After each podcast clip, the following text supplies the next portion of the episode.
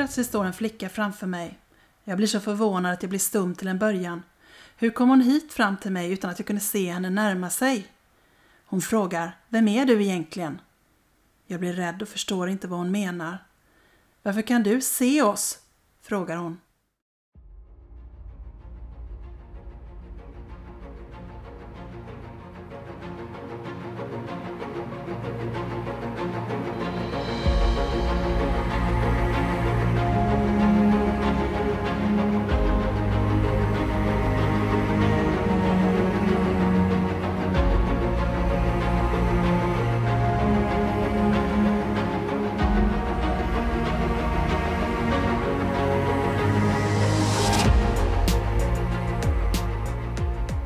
Varmt välkomna till vår podd Magiska möten. Här delar vi med oss av våra upplevelser till er lyssnare genom att berätta om spännande och på olika sätt känslomässiga möten som vi genom åren haft med det övernaturliga. Sedan man var liten har man fått lära sig att sanningen endast kan bevisas genom fysisk existens. Men i den här podden släpper vi logiken och låter känslorna och intuitionen leda oss rätt. Vi heter Caroline och Mikaela och ska ta med er på vår resa in i det okända. Nu börjar Magiska möten.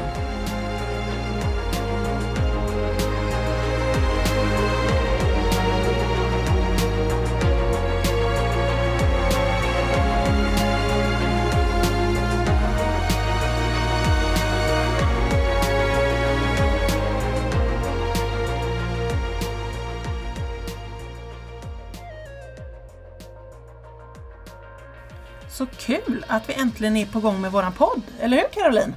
Ja, det är fantastiskt roligt att vara på G. Nu kör vi! Ja, och vilka är vi då? Ja, men vi är ju två eh, personer som är väldigt nyfikna och vetgiriga. Eh, och är intresserade av att utvecklas som människor, men också att se andra människor utvecklas. Mm, och varför gör vi det här då? Ja, men på grund utav vår akademikerbakgrund brottas vi ofta mellan logik och intuition, vetenskap och det övernaturliga. Och vi hoppas i och med den här podden att eh, nå ut med våra berättelser och att de kan motivera andra till att våga lita mer på sin intuition och följa sin magkänsla. Mm, och jag tänker för mig som jobbar som medium så är det ju väldigt viktigt att poängtera att det inte finns några rätt och fel utan att allas upplevelser är ju individuella och sanna. Och genom att dela med oss av våra egna erfarenheter och våran resa så tänker vi att du som lyssnar ska kunna hitta inspiration till att hitta din väg framåt. Och I vårt första poddavsnitt så ska Mikaela få lov att presentera sin berättelse i mötet med Skuggornas barn.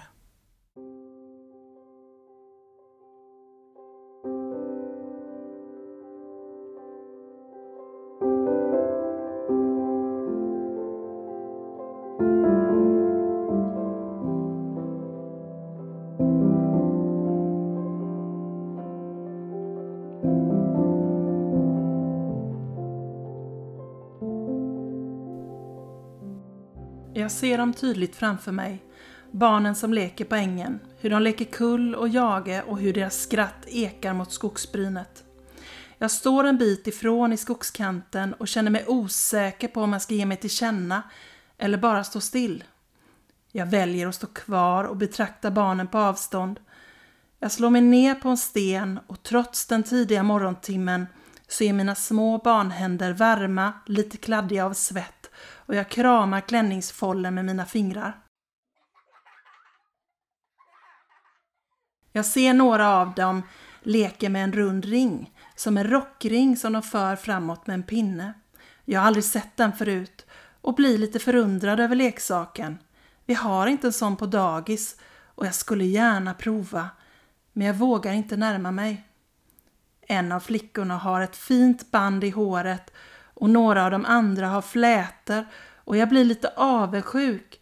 Själv har jag pojkkort hår eftersom det är praktiskt men helst skulle jag vilja ha långt fint hår med sidenband i tofsen. Dimman sveper tätare in över ängen och vissa av barnen bleknar och försvinner in i dimman. Men deras skratt och stoj hörs fortfarande tydligt. Jag vill så gärna vara med, men vågar inte närma mig.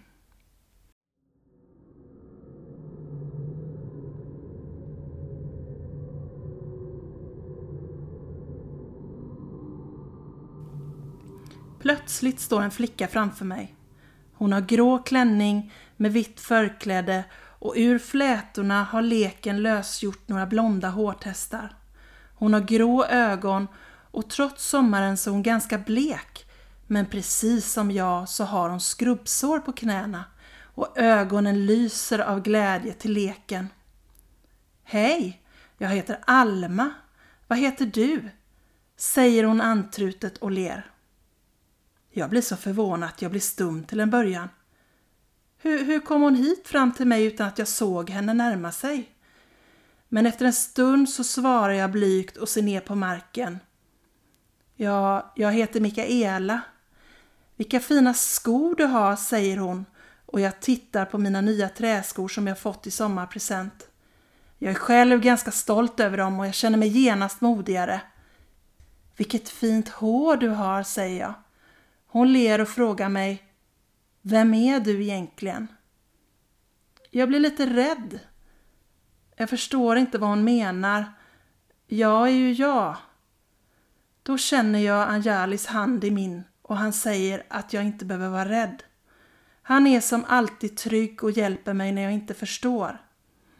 När jag inte svarar utan bara tittar ner så frågar hon Varför kan du se oss?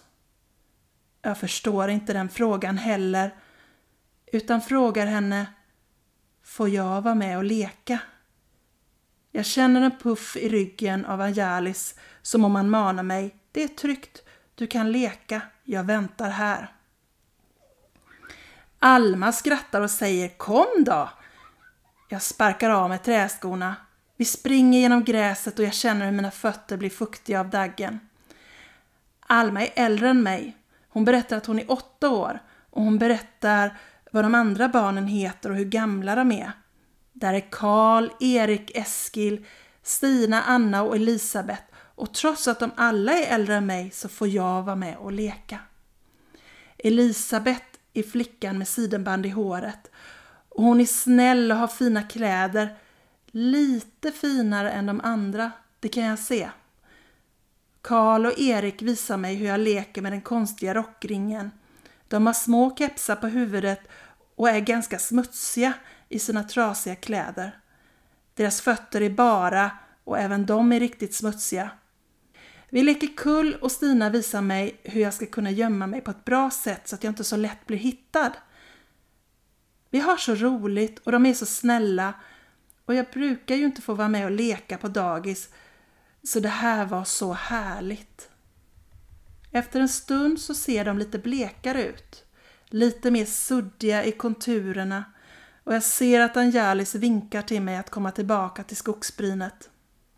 Jag säger till Alma att jag måste gå och hon och de andra barnen ser sorgsna ut. Hon tar min hand och säger Lova mig, lova mig att du inte glömmer oss. Jag lovar. Och stunden känns väldigt högtidlig. Kan vi, kan vi leka imorgon igen? frågar jag bedjande. Alma svarar inte först utan säger svävande Vi får se, men jag hoppas att vi kanske kan ses igen. Elisabet klappar mig på huvudet och säger Det växer ut, du kommer få långt hår igen, det lovar jag. Jag går långsamt på skogsbrynet och vänder mig om men dimman har slukat barnen och jag hör inte deras skratt längre. Plötsligt känner jag mig sorgsen och lite hostig, som om det är svårt att andas. Angelis närmar sig och säger åt mig att det är inte farligt. Det är inte min sorg eller smärta. Jag blir ändå rädd och sitter på stenen vid träskorna och försöker att andas lugnt. Anjali stryker mig över håret tills sorgen har ebbat ur mig och jag andas normalt igen. Jag önskar att alla barn var så här snälla, säger jag och tar hans hand i min. Nu går vi hem, säger Anjalis.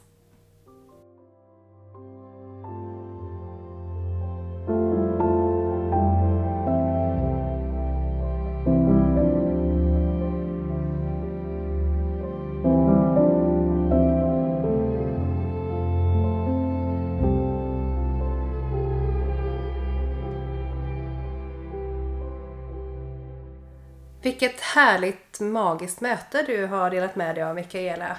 Jag vet ju att du har berättat för mig tidigare att det här var ett av dina första minnen i mötet med andevärlden. Stämmer det? Det stämmer och eh, eh det här var ju ett väldigt speciellt möte. Det var ett väldigt otroligt vackert möte och det var ju ett möte som ett litet barn har lite svårt att förstå. För för mig var de ju lika levande som andra barn som jag träffade. Så det var ju en väldigt speciell upplevelse. Du säger att det är svårt för ett litet barn att förstå. Eh, men det känns som att det borde vara svårt även för en vuxen att förstå vad som händer i ett sånt här möte. Ja, alla, alla möten med andevärlden är ju väldigt speciella och ger ju en känsla i en som man kanske inte eh, känner igen från någon annanstans. Så det blir väldigt starka möten. Och det var ju ett otroligt starkt möte som jag alltid kommer minnas. Trots att jag var så ung och så eh, oförstående i det mötet. För mig var det så väldigt självklart. Men nu som vuxen, eller som, som när jag blev äldre, så förstår jag ju att det är inte alla som har lekt med spöken. Men det har ju jag gjort. Nej, men det är det verkligen inte alla som har gjort. Eh, jag har nog aldrig upplevt någonting liknande, men man blir ju väldigt rörd och tagen av din berättelse. Jag ryser på hela kroppen just nu. Så jag förstår ju att det är ett möte som man verkligen minns och bär med sig. Fick du reda på någonting mer om den här tjejen Alma som du träffar i mötet? Vad, vad vet du om henne?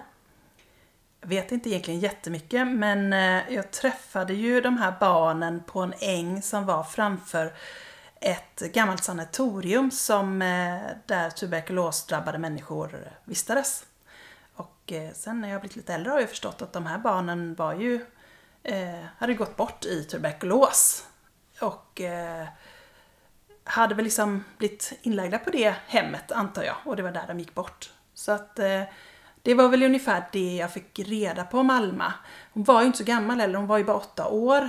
Eh, så att vi pratade kanske inte så djupt heller. Utan, utan mer att eh, hon var ju också väldigt nöjd med det mötet vi hade och tyckte att det var trevligt och var ju också väldigt förvånad över att jag kunde både se och höra henne och vara med och leka och så. Det var ju någonting som de inte var så vana vid. När du refererar till dem här så antar jag att du syftar på skuggbarnen som vi pratar om. Eh, och det här var ett möte mellan barn eh, och när man ser barn i andevärlden, har de gått bort då som barn? Ja, det har de ju. Um, det är ju så att eh, det är inte alltid de andar eller bortgångna som vi ser visar sig i den åldern som de är i. Till exempel kan ju någon gå bort i 70-årsåldern men vilja visa sig av sin lite bättre sida, kanske visa upp en 50-åring eller 30-åring, så kan man göra. Men eh, de barnen som har gått bort visar ofta upp sig som barn. Det, det, jag har aldrig varit med om, för att de har ju inte haft någon längre livscykel så de har inte något mer att visa upp så att säga. Eh, och jag tänker att en del i att det blev ett sånt också ljust och fint möte var väl också att jag var ett barn. Och att vi fann varandra i det. Eh, hade jag funnit dem som vuxen och medium så hade det kanske sett annorlunda ut.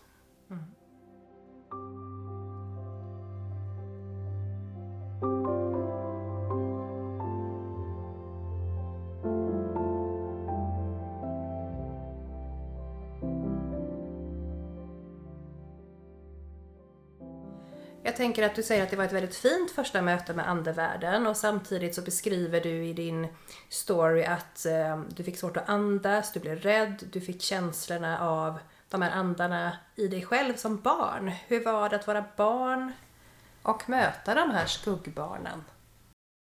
Jag hade ju väldigt god hjälp utav eh, andra kloka eh, guider i andevärlden och det var ju en väldig fördel.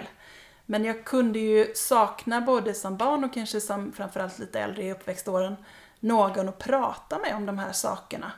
För att eh, det var inte så att man kunde liksom prata med vem som helst om det utan att det var ju någonting som eh, man fick eh, vara tyst om. Och det förstod jag inte förrän jag blev lite äldre att eh, alla ser och hör inte samma saker som jag gör. Och det som jag ser och hör upplever, det är lite konstigt. När, när blev du varse det? Jag börjar nog känna av det lite grann där på dagis, att, eh, att eh, de andra barnen, det var inte självklart för mig att vara med och leka och det var inte självklart för mig eh, för jag kunde säga konstiga saker, jag kunde ju säga att ja, men bredvid dig står det en gammal farbror och sådär. Och det var ju inte, för barn är ju så, de är ju så omedelbara och bara säger rakt ut. Men det fick jag lära mig ganska tidigt att man kan inte säga vad som helst. Man ska vara tyst. Så jag var ett ganska tyst barn. Det kan man inte tro idag, men så var det ju. Jag sa ju nästan ingenting. Eh, och det tror jag var för att man kunde inte prata om det här som jag såg, upplevde och hörde. Men framförallt i skolåldern, där, där blev det väl riktigt eh, tydligt för mig. Kände du dig tystnad av både jämnåriga och vuxna eller var någonstans kände du att det här pratar man inte om? Framförallt av vuxenvärlden. Det var ju många som blev rädda och tyckte det var obehagligt. Och det kan jag förstå, idag kan jag ju förstå det för jag kunde ju kanske ta någon i handen och säga att jaha, men din man han, eh, han är hos granntanten nu eller någonting sånt. Och det är ju inte så positivt eller roligt eller folk tyckte ju det var obehagligt. Men, så det var framförallt av vuxenvärlden men, men eh, även av andra barn som tyckte man var konstig och annorlunda och sådär. Mötte du inga andra barn eller vuxna i din uppväxt som ändå förstod dig och som du kunde prata med om det? Jag mötte väl kanske inte barn men ungdomar sen som jag kunde prata med om det. Och mina vänner och så som, som, som kunde acceptera det på ett helt annat sätt.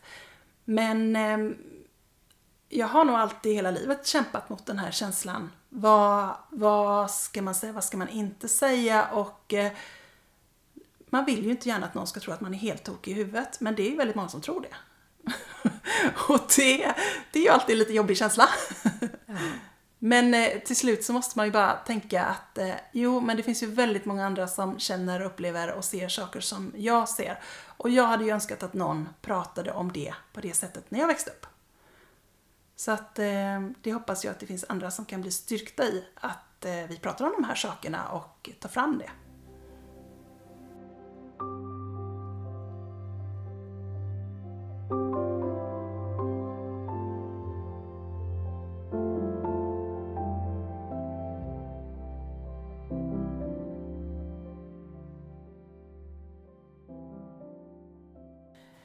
När du var liten så ehm, såg du ju spöken på olika sätt. Eh, hur var din upplevelse av att se de här olika andarna som fanns runt omkring dig?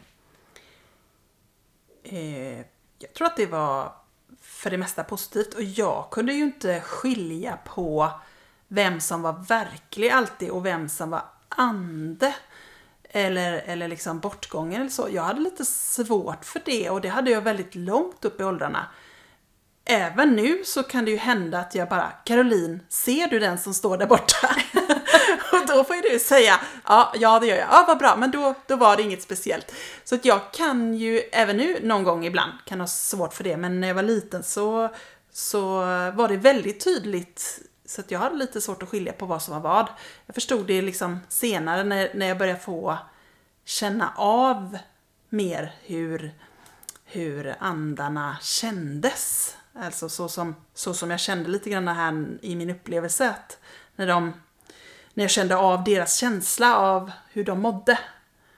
Så ehm, där började jag mer förstå.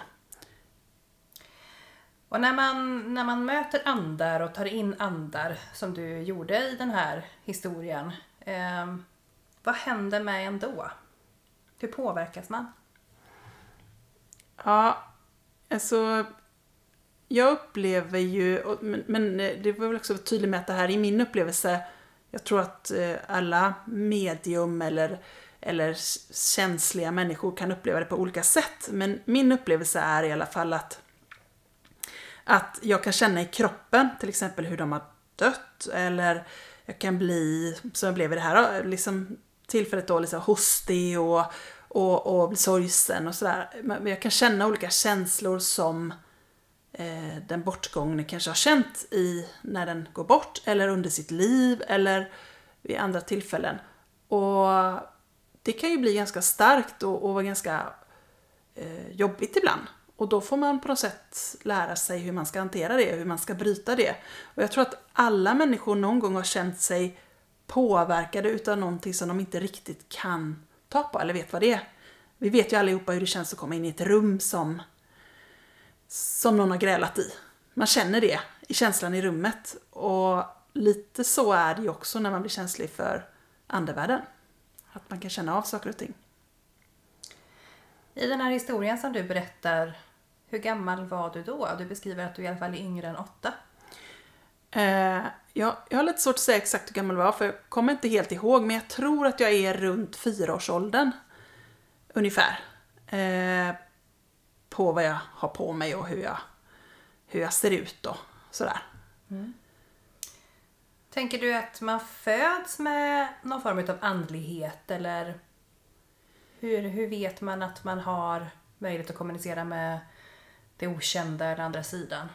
Jag tror att vi allihopa har den eh, möjligheten och eh, det är som ett instrument som man tränar upp. Sen är det precis som om vissa har väldigt god fallenhet för fotboll och kan bli riktiga fotbollsproffs. Och andra kan ju träna fotboll hela livet och ändå bara spela korpfotboll. Så kan det ju vara. Eh, så jag tror att man kan ha olika kanske fallenhet eller olika lätt för sig. Men alla som tränar kan ju absolut bli känsliga och eh, få möta andevärlden utan, utan problem. Du beskriver ju också att du har fått väldigt god hjälp av eh, dina guider och du nämner ju en av dem i den här berättelsen, Angelis. Vad har han betytt för dig? Han har betytt jättemycket för mig för att han har ju varit den som tillsammans med några andra guider eh, lotsat mig genom mitt liv som andlig och mitt liv som eh, hur jag kan hjälpa andra människor med den gåvan jag har. Så att jag har eh, under många år under min uppväxt och tonår och så har jag ju liksom inte lärt mig utav någon annan utan det är andevärlden som har lärt mig det som jag kan. Och det har ju varit eh, jättepositivt för mig att ha det goda stödet från dem. Och han har ju betytt otroligt mycket för mig för han stöttar ju mig även i, i vardagssituationer, andra situationer som har varit svåra i livet. Så att eh, han är ju otroligt viktig för mig. Finns han med dig nu också? Mm, och han kommer finnas med mig hela livet. Det är min, min nära guide som alltid kommer vara med mig. Precis som vi alla har eh, följeslagare eller eh, skyddsänglar eller vad man nu vill kalla dem. Vi kallar ju dem guider här men det kan ju lika gärna kalla lite vad man vill. Men alla har ju minst en, ofta flera. Och ofta så kanske man har vissa perioder i livet då man kan behöva lite extra stöttning utav någon annan typ av guide som kommer in och hjälper till. Så det har vi ju alla. Kommer han när du behöver hjälp eller ber du honom om hjälp ofta? Alltså, jag vet inte riktigt vad jag ska säga. Jag tänker inte så mycket på hur jag gör det men, men eh, självklart eh, så kan jag be honom om hjälp eller fråga saker och ting. Och det har jag gjort många, många gånger. Och kan använda mig av meditation eller avslappning eller så för att lättare liksom öppna upp den kontakten. Men, men eh, jag upplever nog att vi har dagliga samtal med varandra. Och du säger att eh, guider finns med oss alla till mans även om man kanske har lättare eller svårare att känna deras närvaro. Eh, vad har du för tips till de som lyssnar om man känner att man skulle vilja försöka komma i kontakt med någon av sina guider? Vad, vad gör man då? Då tycker jag att man ska pröva en eh, guidad meditation. Det finns jättemånga på nätet som man kan testa. Där man kan komma i kontakt med sin guide. Och det tycker jag är ett jättebra sätt att eh, försöka börja lyssna inåt och, och få kontakt.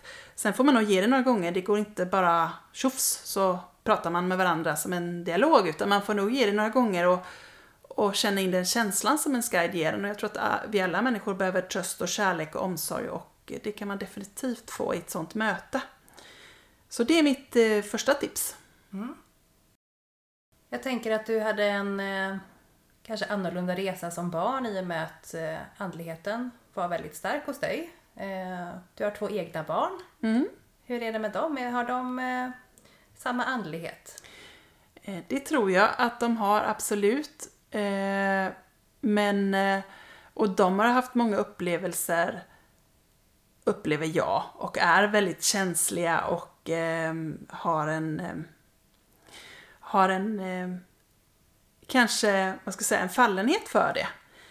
Men eh, det är ju så som eh, de flesta barn som man möter har ju haft upplevelser eller olika tankar kring det andliga eller det övernaturliga. Jag upplever att barn har ju väldigt mycket närmare till det än vad kanske vi i den vanliga vuxenvärlden har. Eh, så att de flesta barn man träffar är ju lite mer känsliga och öppna för sånt här. Och många tonåringar också upplever jag. Vad är det som gör sen då att man kanske inte är lika öppen eller känslig för andlighet som vuxen? Det är mycket, tror jag, konventioner och normer, vad man ska och vad man inte ska. Det var som vi pratade på tidigare, att det är lätt att man blir satt i ett fack, att man är lite småtokig om man ser andar och sånt. Så jag tänker att jag tror att det handlar mycket om att eh, vi lämnar fantasin i barndomen och ska gå in i en, en verklighet där det förväntas prestation och sånt utav oss. Och om det är någonting som andlighet inte mår så bra utav så är det prestationskrav. Det är ju många som blir väldigt stressade över att de ska prestera saker i andlighet och det, det har ju bara motsatt effekt. Så att jag tänker att det är en del utav det.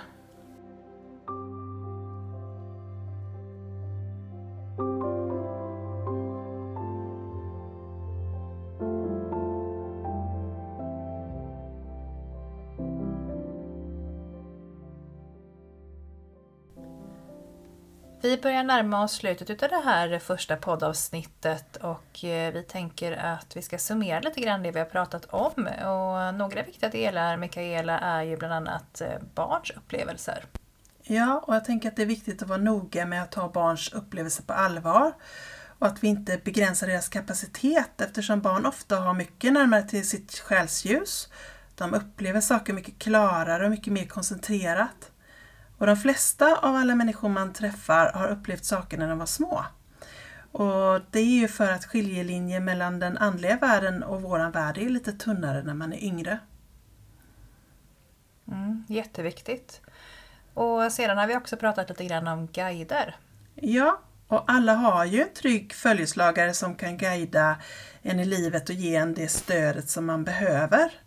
Man ska inte vara rädd för att fråga eller kontakta sin guide.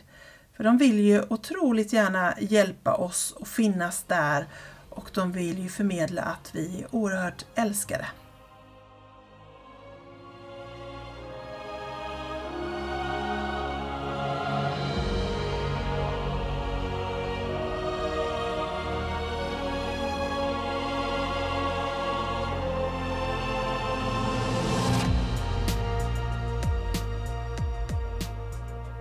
Vi hoppas verkligen att du har haft en härlig stund tillsammans med oss och känner dig inspirerad och nyfiken. Vill du veta mer om vår podd och om oss? Gilla i så fall vår Instagramsida podden Magiska möten. Där kan du även hålla dig uppdaterad på vad nästa poddavsnitt innehåller och när det släpps. Tack för att du har lyssnat på Magiska möten.